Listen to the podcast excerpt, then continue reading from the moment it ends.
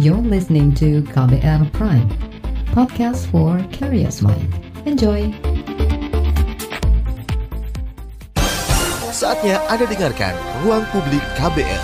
Selamat pagi, kita berjumpa kembali dalam Ruang Publik KBR bersama saya Don Brady dengan tema pagi hari ini mencegah pandemi masuk lapas. Saudara Menteri Hukum dan Hak Asasi Manusia Yasona Loli menyatakan ada sedikitnya 30 ribu narapidana dan anak yang akan dibebaskan untuk mencegah penyebaran COVID-19. Pembebasan ini melalui asimilasi dan integrasi dan pekan ini sudah berjalan. Institute for Criminal Justice Reform ICGR mengapresiasi langkah Menteri Yasona ini. Tapi menurut mereka akan ada lebih banyak narapidana yang bisa dibebaskan melalui cara lain. Langkah apa itu? Untuk itu, reporter KBR Fitri Anggreni telah berbincang dengan peneliti ICGR Genoveva Alicia. Baiklah, tentang pemasyarakatan Bapak Ibu sekalian, perlu kami sampaikan bahwa sejak COVID-19 beredar, kami langsung mengambil langkah-langkah tentang pencegahan. Kami menyadari betul bahwa lapas dengan overkapasitas yang sekarang lapas rutan sudah mencapai angka 271 ribu. Kami menyadari betul dampaknya kalau sampai ada yang terpapar di lapas. Maka yang pertama kami lakukan adalah langkah melakukan disinfekta, disinfektanisasi terhadap seluruh lapas yang lapas rutan di Indonesia terhadap seluruh lapas rutan di Indonesia dan pembatasan secara ketat tidak lagi dilakukan bertamu kecuali melalui video conference.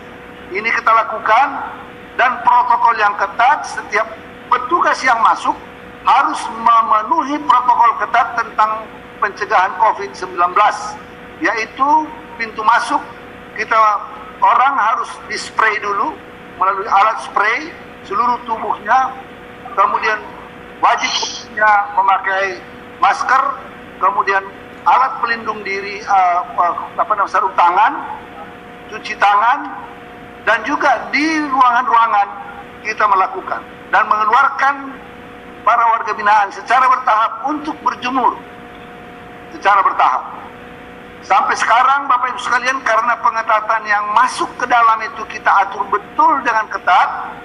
Kita doakan sampai sekarang belum ada yang terpapar karena memang kunci masuknya sudah kita tahan. Tetapi ini tidak kita biarkan begitu saja. Secara bertahap kami terus juga bekerja sama dengan instansi lain. Kami bekerja sama dengan Palang Merah Indonesia untuk melakukan kerjasama di infektanisasi lapas di seluruh daerah di Indonesia dan juga ke lembaga-lembaga lainnya. Ini adalah protap yang kita jaga. Tentunya berikutnya adalah bagaimana mengurangi overkapasitas dalam rangka ini. Kami dibatasi oleh peraturan perundang-undangan. Kami dibatasi oleh peraturan perundang-undangan, maka secara bertahap setelah melakukan pengkajian yang sangat intens dengan para jajaran dan memperhatikan pandangan dan uh, pikiran-pikiran dari masyarakat, kami mengeluarkan Permen Kumham nomor 10. Permen Kumham nomor 10 tentang syarat pemberian asimilasi dan integrasi. Ini masih dalam kewenangan Kemen Menteri Hukum dan HAM. Masih dalam kewenangan Menteri Hukum dan HAM karena ada beberapa jenis pidana yang tidak bisa kami uh, terobos karena peraturan pemerintah nomor 99 tahun 2012. Dengan kebijakan Permenkumham nomor 10, kami perhitungkan Bapak Ibu sekalian, anggota Komisi 3, kami perhitungkan bahwa kita bisa mengeluarkan di angka minimal 30 ribu dari beberapa exercise kami bisa mencapai 35 ribu minimal. Bisa lebih 35 ribu minimal. Ya, ini exercise kami. Exercise per hari ini, per hari ini jam 11. Kami sampaikan, per hari ini jam 11, sistem ASDP kami melaporkan sudah kita keluarkan 5.556 warga binaan kita dengan Permen Kumham nomor 10 dan keputusan Menteri Hukum dan HAM nomor 19. Kami sudah meminta seluruh jajaran di Kementerian Hukum dan HAM selambat-lambatnya dalam seminggu. Ya, selambat-lambatnya dalam seminggu peraturan menteri dan keputusan menteri ini sudah harus selesai dilaksanakan dan dilaporkan dan diawasi secara jam per jam melalui sistem SDP kita berapa yang dikeluarkan. Kami akan melakukan di sini kami harapkan juga tidak ada moral hazard. Kami sudah menyatakan ini adalah pelepasan by law. Ya, kami meminta kepada uh, Kalapas, ya, Tarutan, karena ada beberapa rutan-rutan yang apa namanya, yang ada warga binaannya di sana, ya untuk memantau pelaksanaannya dan tentu Kakanwil dan Kadipasnya masing-masing. Ini adalah penjelasan Menteri Hukum dan HAM terkait pembebasan narapidana dan anak lewat asimilasi dan integrasi dalam rapat kerja dengan Komisi Bidang Hukum DPR secara virtual kemarin Rabu 1 April.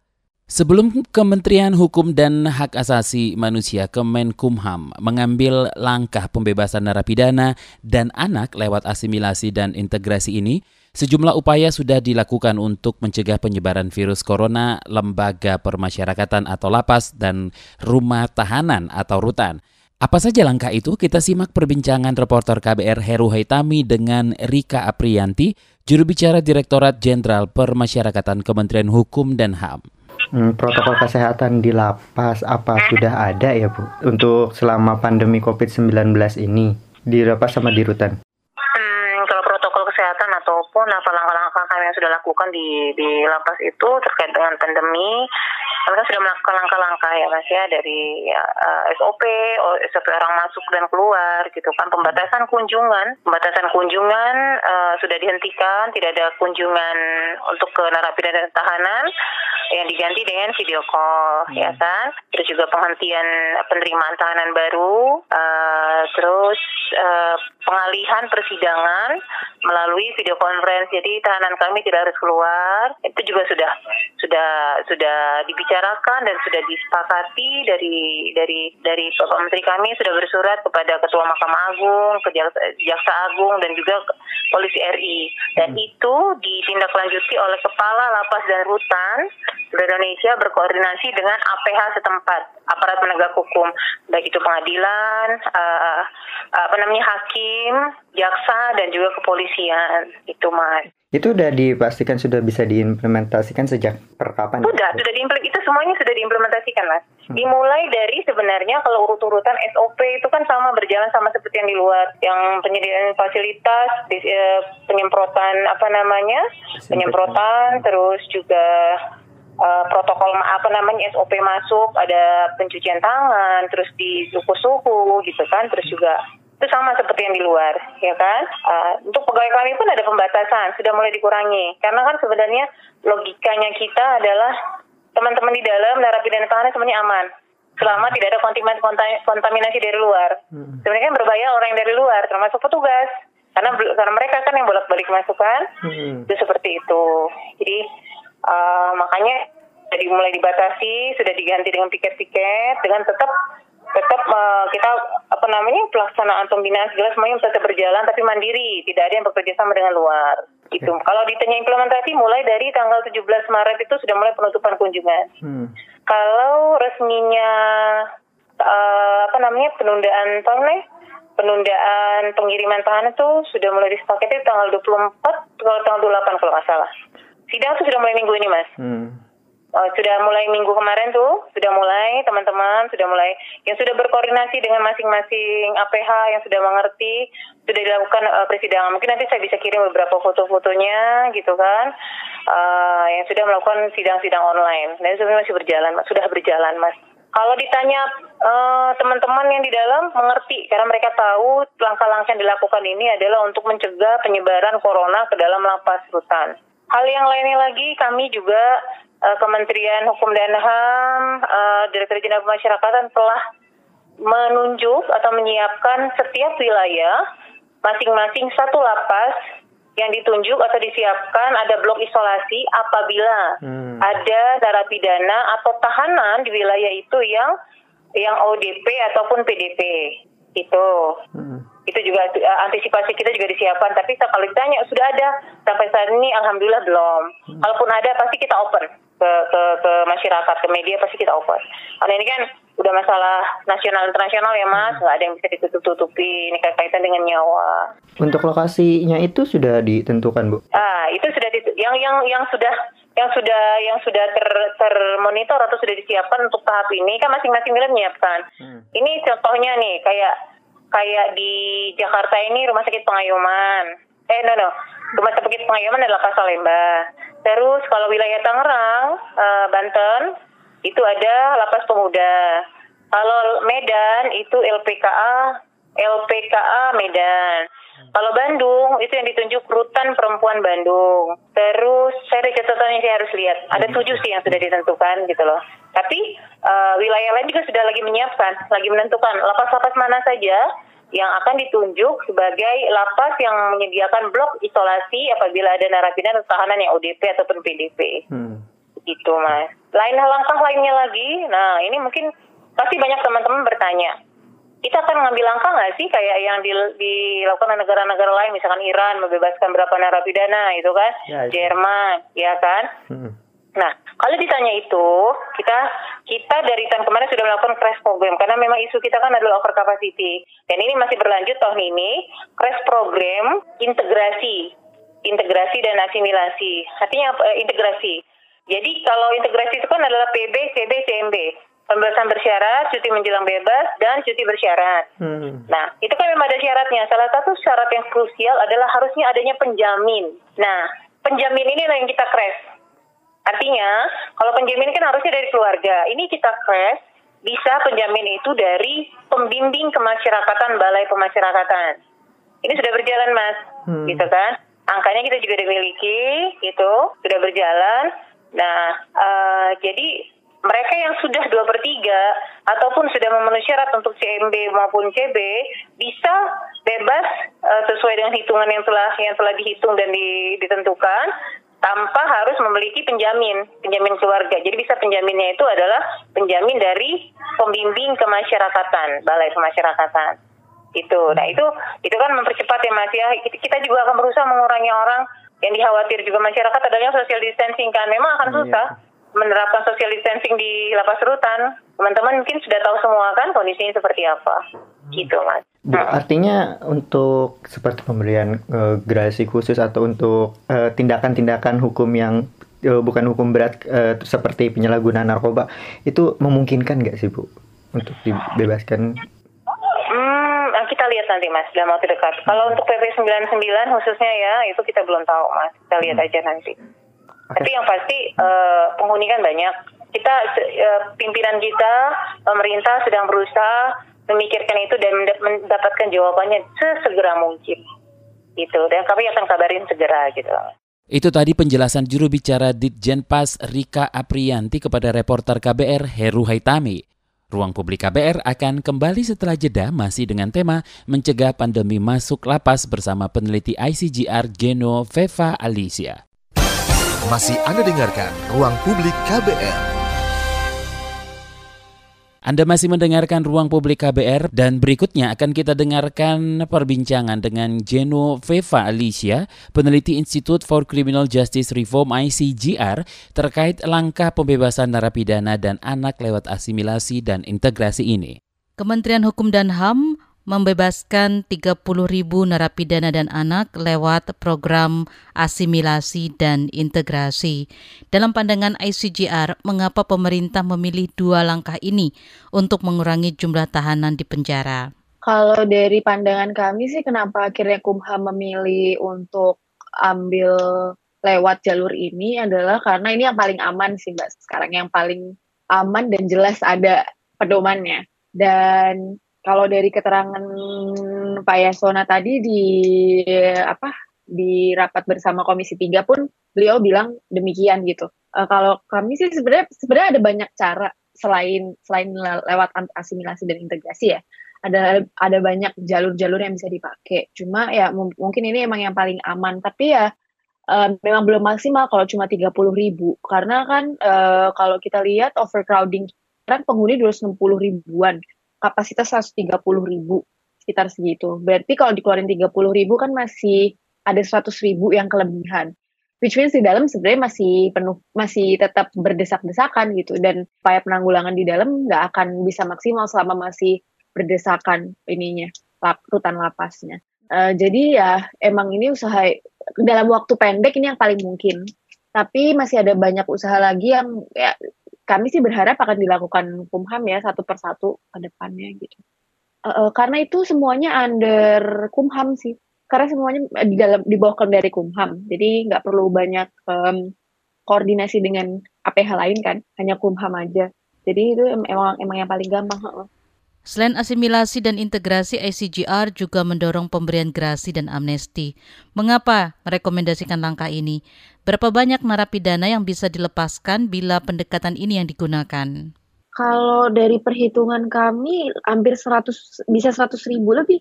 Ya, kalau dengan gerasi dan amnesti, kan yang ber, kalau berdasarkan rekomendasi CJR ya, beberapa kelompok yang kemudian masuk ke dalam prioritas untuk diberikan gerasi dan amnesti kan adalah uh, di kasus-kasus narkotika.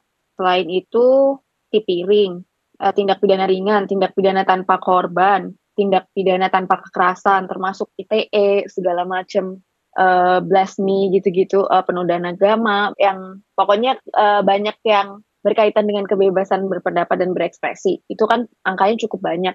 Itu bisa di atas 100 ribu, dan itu kan dicepatkan sebenarnya, karena presiden tinggal bilang, oke, okay, aku apa saya akan kasih amnesti di perkara ini ini ini ini oke okay, keluar semua Uh, rekomendasi ICGR berikutnya adalah Presiden turun tangan dalam memberikan gerasi dan amnesti ini ya Mbak ya? Iya harus dong penting. Jadi kita juga nggak bisa Ini maksudnya ketika kita harus sadar ini adalah keadaan darurat. Ketika keadaan darurat berarti harus eh, langkah-langkah uh, darurat juga kan yang kita lakukan. Nggak kemudian kita harus pakai cara normal sebisa mungkin karena ini udah bukan kondisi yang normal, kondisinya emang udah genting gitu dan memberikan amnesti dan grasi itu sebenarnya nggak ada alasan apa yang harus uh, dasar apa gitu yang harus diberikan oleh presiden. Cuma ada satu itu adalah kepentingan negara. Ketika kita berada di kondisi ini, kepentingan negara adalah menyelamatkan lebih banyak nyawa. Jadi ya memang itu sebenarnya presiden harus segera mengambil langkah gitu. Oke. Sebenarnya asimilasi dan integrasi ini bisa dilakukan dengan cepat itu uh, alasannya apa Mbak? Selain aturan tadi yang cukup jelas ya. Oh, kalau asimilasi dan integrasi kan uh, tindak pidananya tidak bukan termasuk narkotik, terorisme, korupsi, tindak pidana terorganisasi lain yang di PP 99 itu nggak termasuk. Terus harus dua per tiga sudah menjalani dua per tiga masa pidana sampai di Desember 2020. Jadi kan artinya yang masih belum 2 per 3 kan masih sebenarnya keluar kan. Padahal ada yang belum 2 per 3 ini yang ke satu kelompok rentan, dua yang tipiring tadi aku bilang. Jadi uh, sebenarnya kalau uh, semua dikombinasikan uh, langkah-langkah itu itu bisa mengurangi jumlah uh, narapidana itu sampai uh, setengahnya ya Mbak ya? Iya sampai setengah sampai kita nggak mencapai overcrowd, udah nggak overcrowd lagi. Ini hanya untuk uh, narapidana ya Mbak. Bagaimana dengan uh, tahanan? Nah it, itu yang kemudian kami juga um, uh, kami juga rekomendasikan. Ma uh, masalahnya sus susahnya adalah kalau tahanan ini dia nggak berada di bawah uh, Kumham kan ininya uh, pengendaliannya. Tahanan ini kan setiap tahapan dia siap yang pegang beda-beda mbak mungkin bisa itu polisi itu tanggung jawabnya polisi jaksa ataupun hakim gitu. Juga memang sulit untuk bergerak gitu karena itu bukan bukan wewenangnya kumham tapi makanya yang kami dorong adalah supaya uh, di setiap tingkatan APH-nya pun juga stop penahanan di di posisi ini di posisi urgent ini APH stop penahanan sebisa mungkin. Pun kalau harus penahanan diubah bentuk penahanannya. Karena kan penahanan sebenarnya nggak cuma rutan kan bentuknya. Ada juga penahanan yang dikenal di KUHAP itu bentuk uh, penahanan di rumah dan penahanan di uh, kota. Dengan kondisi kita yang sekarang harus physical distancing, banyak kota-kota um, yang kemudian uh, itu sangat mungkin kan sebenarnya dilakukan dan lebih gampang pengawasannya gitu. Jadi yang kami rekomendasikan itu cuma memang Kumham ya uh, mereka nggak bisa bergerak apa pun, hanya yang yang dilakukan kemudian kan uh, yang terakhir keluar suratnya penghentian penerimaan tahanan baru. di dalam rutan. Padahal kalau dihentikan penerimaan di tahanan eh, tahanan baru di rutan, itu tahanan tahanan akan berada nggak tahu di mana. Paling paling di tahanan polisi, dititipkannya bisanya di tahanan polisi dan keadaan tahanan polisi pun juga nggak lebih baik daripada di rutan gitu. Penyebaran di, uh, penyebaran COVID di situ juga lebih berbahaya karena ya 11-12 lah kondisinya gitu.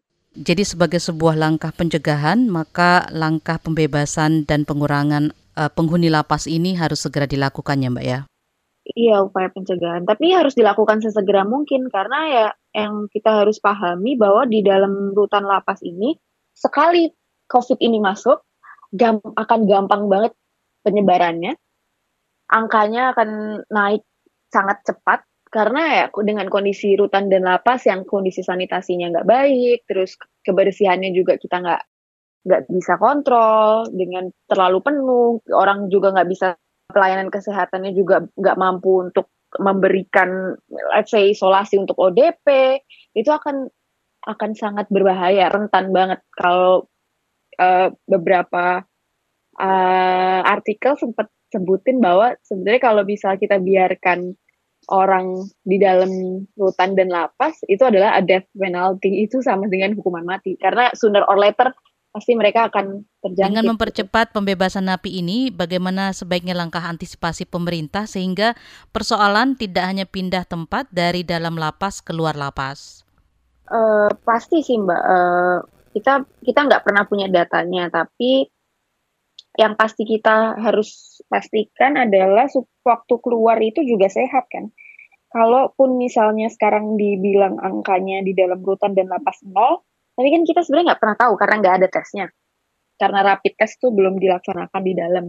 Jadi yang harus dipastikan kalaupun keluar, ya harus dipastikan dia nggak positif. Karena kalau keluar positif juga sama aja kan. Kemudian pengawasannya, pembinaan dan pengawasan ini kan karena keluarnya lebih cepat, jadi kan ya kita asumsikan bahwa pembinaannya belum selesai gitu proses pembinaannya belum selesai sehingga pembinaan kan masih harus lanjut sebenarnya di luar.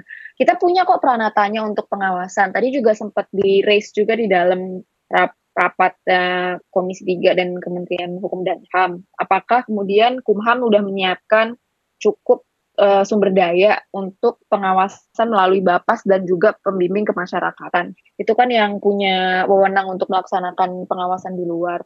Tadi Pak Yasona sih bilang sudah ad, sudah mempersiapkan ya. Ya itu harus diperkuat, nggak boleh se nggak boleh serta merta keluar, oke okay, nggak nggak ada no string attached lagi karena memang harus pembinaannya dilanjutkan gitu di luar dan pengawasannya. Panjang pengetahuan kami sih kalau misalnya habis keluar ya berhubungan dengan pembimbingnya, pembimbing kemasyarakatannya. Kan karena kan mereka harus reintegrasi lagi ke dalam masyarakat. Setelah jeda, ruang publik akan kembali. Masih Anda dengarkan Ruang Publik KBR. Terima kasih untuk Anda yang masih setia mendengarkan Ruang Publik KBR. Masih Anda dengarkan perbincangan pagi ini dengan tema mencegah pandemi masuk lapas bersama peneliti ICGR Geno Veva Alicia. Uh, beberapa negara juga melakukan hal yang sama ya Mbak, seperti di Jerman. Tapi mereka memilih untuk tidak memberlakukannya kepada narapidana dengan kasus kekerasan seksual.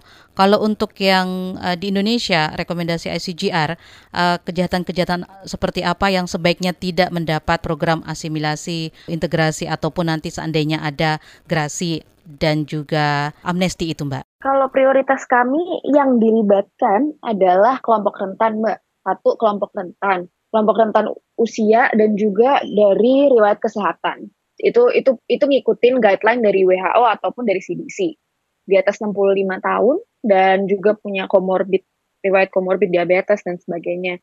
Jantung. Terus habis itu uh, tipiring tadi yang udah saya bilang tipiring kemudian tindak pidana tanpa korban. Tanpa korban itu kayak um, narkotik pengguna pecandu. Itu kan tanpa korban. Um, kemudian uh, kasus narkotika, terus yang udah jalanin dua per tiga, kemudian meskipun ini nggak masuk ke dalam kelompok rentannya versi CDC ataupun WHO, bagi kami ibu-ibu ya, uh, perempuan yang membawa an membawa anak di dalam rutan dan lapas itu kan ada, itu masuk ke dalam prioritas juga, kelompok prioritas juga. Itu sih mbak, kalau dari pemetaan kami sementara itu. Terus yang paling uh, dan ibu hamil sih itu masuk ke kelompok rentan. Hmm, tapi yang ya yang yang paling banyak bisa itu. Kalau dilihat dari faktor resiko, resiko kesehatan baik kesehatan maupun keamanan ya, dan juga dari praktik negara lain sih itu. Yang tidak direkomendasikan, hmm, jelas itu yang de kalau dengan korban harus dilihat dulu ya. Dengan korban itu harus benar-benar di assessment apakah kemudian tindak pidana dengan kekerasan atau tidak kalaupun dengan korbannya ekonomi harus dilihat dulu apakah bisa kemudian dimungkinkan uh, pelaku itu membayar ganti rugi. Kalaupun membayar ganti rugi dan kemudian kor apa korban setuju untuk uh, dibayarkan ganti ruginya, ya udah nggak apa-apa nggak apa-apa ikut ke dalam program. Tapi harus dilihat itu ganti rugi apa yang didapatkan korban itu sih. Itu harus butuh assessment yang lebih panjang ya mungkin. Bukan bukan kan tidak tidak merekomendasikan secara mutlak tapi harus ada uh, assessment yang lebih mendetail. Assessment ditambah atau uh, kriteria diperluas sebenarnya dalam beberapa gelombang bisa jadi akan ada uh, pelepasan lebih awal lebih banyak lagi ya Mbak ya. Atau 30 itu sudah sudah hitungan total aja Mbak? 30 ribu itu kan hitungan total yang bisa dicapai dengan putusan menteri yang sekarang yang baru yang nomor tadi. Tapi kan kalau misal ada langkah-langkah lain pasti ada gelombang-gelombang lain. Dan tadi Pak Yasona di uh, rap raker juga sempat bilang bahwa akan ada langkah-langkah lain kurang lebih dalam waktu dekat seminggu ke depan gitu. Jadi pasti ada, akan kami sih berharap akan ada gelombang lain sih karena 30 ribu masih kurang kurang banget untuk kemudian bisa kita melaksanakan penanggulangan penanggulangan yang efektif di dalam. Untuk anak apakah berlaku juga asesmen yang sama? Kalau anak tetap terma termasuk ke dalam setiap kategori yang tadi sudah saya bilang ya Mbak. Kalau misal tindak pidananya ada punya penyakit, terus kemudian ya masuk kelompok prioritas masing-masing itu dewasa dan anak dua-duanya. Tadi sempat disebutkan oleh juru bicara Ditjen Pas kalau ada beberapa lapas yang akan dibuatkan sel isolasi, terutama di daerah yang angka pandeminya cukup tinggi. Menurut Anda penyediaan sel isolasi ini seperti apa? Iya, yeah, kalau setiap satu lapas harusnya harus ada sih, tetap harus ada. Karena kan kalau misal kita bicara yang dulu TB, TB kan ada juga ruang isolasinya. Cuma kan ini corona uh, harus berbeda kan, ruang isolasinya dari TB jangan digabung sama TB. Uh, eh, pun kalau harus diisolasi, kan ada ada ininya, ada uh, seberapa parah gitu maksudnya. Ketika masih ODP ODP yang belum perlu penanganan ya diisolasi di masing-masing UPT atau diisolasi di rumah kalau memang harus keluar gitu. Cuma harus dipastikan juga beneran isolasi atau enggak gitu kan. Kalau di dalam UPT juga harus dipastikan itu ada nggak ruangnya. Um, terus kalaupun misal memang harus segera di, uh, di, di, di, di masuk ke rumah sakit ya harus ke rumah sakit rujukan Sebenarnya sebelum ada kasus uh, pandemi COVID-19 ini, upaya pemerintah untuk mengurangi kelebihan kapasitas di lapas seperti apa, Mbak? CGR melihatnya. Selama ini upayanya yang kami lihat baru uh, mungkin pembangunan fasilitas baru ya, paling banyak pembangunan fasilitas baru. Kemudian uh, eh, PB juga PB ini udah lebih mending sebenarnya sekarang daripada dulu, lebih cepat juga. Atau lebih cepat sekarang usahanya itu sih kebanyakan mbak yang yang kita lihat ya pun kalau udah dilakukan uh, memperbanyak fasilitas PB-nya juga dipercepat tapi masukannya nggak dikurangin nggak diperlambat akhirnya juga penuh terus sama ini usahanya jadi uh, nol lagi karena nggak diimbangi di aparat penegak hukumnya juga jadi agak susah karena masuk terus orangnya. Oke, dalam hal ini yang masuk terus itu terutama untuk uh, narapidana pengguna narkotika ya Mbak ya, yang angkanya bisa sampai 21 ribuan. Iya, ya, itu yang paling ya? banyak. Sekarang 37 ribu kalau digabung uh, pengguna dan pengedar ya, tapi karena kan itu pasalnya mereka berdasarkan pasal. Ada juga pengguna yang dikasih pasalnya pasal pasal bandar. Padahal bukan bandar, cuma memiliki dan menguasai. Masuknya kalau memiliki dan menguasai itu masuknya ke bandar uh, ininya, register registernya. Jadi ya, ya kasus narkotika itu 37 ribu 500 per bulan Maret. Hampir 10 persen. Kalau di Februari 130 ribu itu Februari itu oh ya nih Februari yang udah lapor semua. Uh, ini aku pakai data Februari ya Mbak. Karena ini Februari yang udah lapor lapor semua ya. Pengguna aja yang pengguna doang itu 46 ribu 328 Di Februari jumlah penghuni ada 200 Berarti sekitar ya di, di per Februari 17 persen. Jadi seandainya kalau 37 ribu itu di uh, bisa bebaskan lebih awal, uh, bisa berkurang lumayan juga ya Mbak ya? Iya, berkurangnya banyak banget Mbak. Kalau narkotika, emang narkotika sih yang emang harus di uh, itu yang paling banyak satu yang paling banyak dua yang memang kita tahu kalau sebenarnya intervensinya bukan uh, bukan penjara kan yang benar jadi ya memang kita ya di, di kondisi ini kita pun juga bisa memperbaiki kesalahan yang lalu juga gitu yang selama ini kita nggak pernah tahu caranya gimana karena kan kalau narkotika uh, dia harus ngikutin PP 99 itu agak susah juga syaratnya kan. Nah, yang dari 30 ribu itu uh, apakah ada perincian berapa banyak uh, kasus narkoba pengguna narkoba yang di uh, mendapat asimilasi dan integrasi itu, Mbak? Kalau kalau yang 30 ribu itu nggak termasuk narkotika dan korupsi, Mbak. Narkotika, korupsi, terorisme itu nggak termasuk ke dalam 30 ribu itu. Jadi bila narapidana narkotika yang memenuhi syarat bisa dibebaskan, maka akan menambah angka dari 30 ribu yang saat ini sudah ada ya Mbak ya? Um, kita cari lagi yang yang du, bu, belum dua per tiga tapi tindak pidana ringan. Itu mungkin itu banyak juga sih tindak pidana ringan. Yang di bawah setahun gitu-gitu Mbak, 6 bulan. Yang ponisnya di bawah setahun itu itu di, banyak kan? 6 bulan, 8 bulan, penganiayaan ringan, perusakan barang, gitu itu banyak banget tuh jadi tiga kejahatan yang narapidananya tidak bisa ikut dalam asimilasi dan integrasi ini tadi adalah uh, terorisme, korupsi dan juga kejahatan terorganisir, begitu ya Mbak ya? Terorisme, korupsi, korupsi sama uh, ini tindak pidana terorganisasi lainnya. Jangan ke mana-mana, setelah jeda ruang publik akan kembali. Masih Anda dengarkan Ruang Publik KBR. Kita tiba di bagian akhir ruang publik KBR hari ini dan bagi Anda yang tidak sempat mendengarkan siaran ini secara utuh, bisa mendengarkannya kembali di podcast kbrprime.id lalu pilih ruang publik. Kembali kita simak obrolan reporter KBR Fitri Anggreni dengan Genoveva Alicia, peneliti ICGR. Kembali ke asimilasi dan integrasi, Mbak. Kalau dalam suasana biasa, bukan dalam kondisi darurat seperti saat ini, sebenarnya berapa lama sih untuk bisa mendapatkan uh, asimilasi dan integrasi ini? Uh, sebenarnya syaratnya sama, harus dua per tiga dulu, harus dua, menjalani dua per tiga masa pidana, uh, di mana dua per tiganya itu minimal 9 bulan. Jadi kalau udah dua per tiga, pasti akan mendapatkan hak ini. Kalau memenuhi syarat. Syaratnya uh, berkelakuan baik, kayak tidak pernah bikin, nggak pernah ada catatan di dalam, kayak gitu-gitu. Terus kemudian um, pembinaannya berlangsung dengan lancar itu. Dan semuanya pas sebenarnya dapet sih mbak. Banyak yang tapi kan itu berdasarkan ngurus atau enggak iya direkomendasikan kemudian diurus atau enggak karena itu paperworknya banyak banget berkas-berkasnya banyak banget. Makanya itu bisa sampai kalau normalnya itu 22 hari gitu kalau nggak salah standarnya sekarang ya. Cuma kan kalau 22 hari nunggu sekarang asesmennya terlalu lama.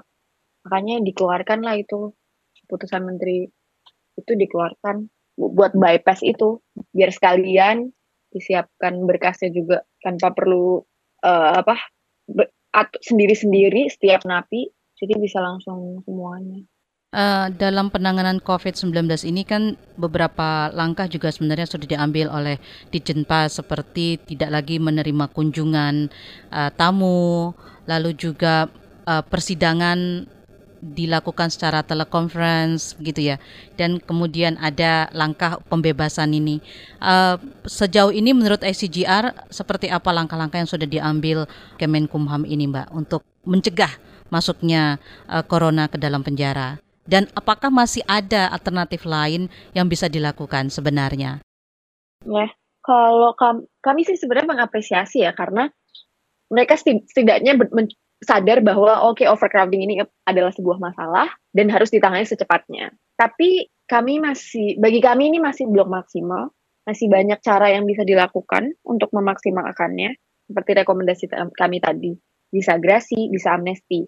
Dan uh, bagi kami langkah-langkah um, untuk menanggulangi penyebaran COVID-19 di rutan maupun lapas itu nggak bisa cuma dilakukan oleh Kumham Jadi seluruh stakeholder di subsistem peradilan pidana harus bareng-bareng kerjasama sadar bahwa rutan dan lapas itu adalah tempat yang sangat berbahaya untuk penyebaran.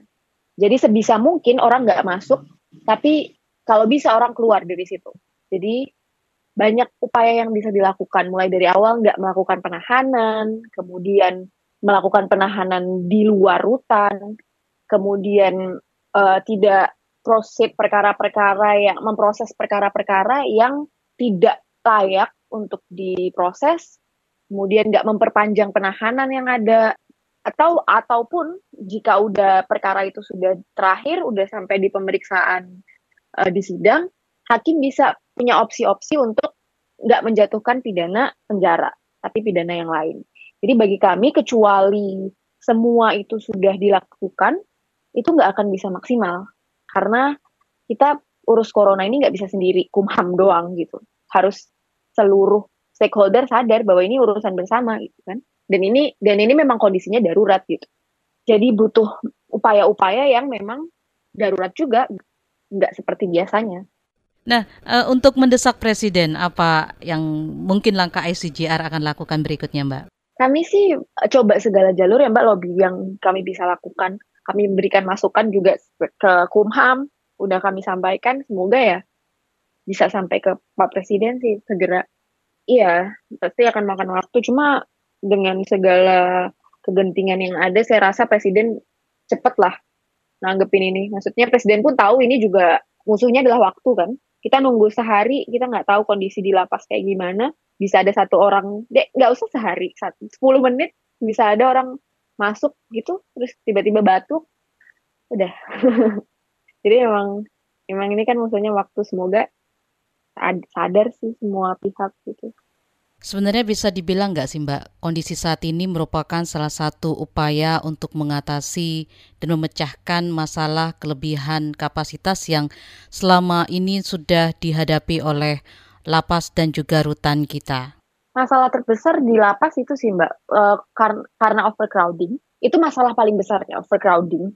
Kemudian overcrowding itu bikin uh, banyak masalah-masalah kecil yang lain. Satu pemenuhan standarnya makanan pakaian ya persoalannya sebenarnya paling paling yang menjadi akarnya adalah overcrowding karena overcrowding akhirnya kemampuan lapas untuk memberikan uh, pemenuhan pelayanan kesehatan pelayanan dasar kemudian pelayanan-pelayanan yang sifatnya terkait dengan akomodasi, pemenuhan jasmani, makanan, uh, space pribadi, itu semuanya terbengkalai.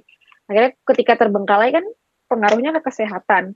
Pun ketika mereka sakit, pelayanan kesehatannya pun juga nggak mampu untuk uh, memberikan pelayanan yang maksimal karena karena uh, let's say mereka punya pagu untuk digunakan 300 orang gitu di, di setiap UPT. Tapi 300 pagu 300 orang ini baik ruangannya, kemudian biayanya, dananya itu digunakan oleh dua kali lipat lebih banyak daripada yang seharusnya. Jadi akhirnya harus dibagi dua kan semuanya. Ya kualitasnya akhirnya menurun semuanya. Terus kemudian muncullah ketika kualitasnya itu nggak bisa dipenuhi oleh lapas, itu jadi barang-barang yang sebenarnya kebutuhan dasar yang sebenarnya harusnya dipenuhi oleh negara, kemudian jadi komoditas di dalam. Akhirnya muncullah korupsi. Itu sebenarnya masalahnya adalah uh, bola salju mbak semuanya dari overcrowding. Nah, kayak kayak sebenarnya se, se, kalau kita bicara mau bicara korupsi ya korupsi di dalam gitu. Ya gimana orang nggak mau ketika kita punya uang gitu di dalam kita nggak nggak dapat sabun padahal kita harusnya dapat sabun gitu. Ketika punya uang dan dan bisa terpenuhi sabun ya dengan cara beli ya akhirnya kan kita mau nggak mau beli karena itu kan kebutuhan utama kan nggak cuma itu bahkan se, se sesederhana kita mau uh, berbaring gitu. Ada beberapa UPT yang untuk ke bisa berbaring itu harus bayar. Karena selnya harus dibuka. Karena terlalu penuh jadi nggak bisa berbaring tidur harus dibuka selnya. Itu sebenarnya bola salju semuanya. Dan sebelumnya juga ICGR sudah merekomendasikan beberapa langkah supaya uh, persoalan kelebihan kapasitas ini bisa dikurangi salah satunya dengan melihat alternatif penghukumannya Mbak ya.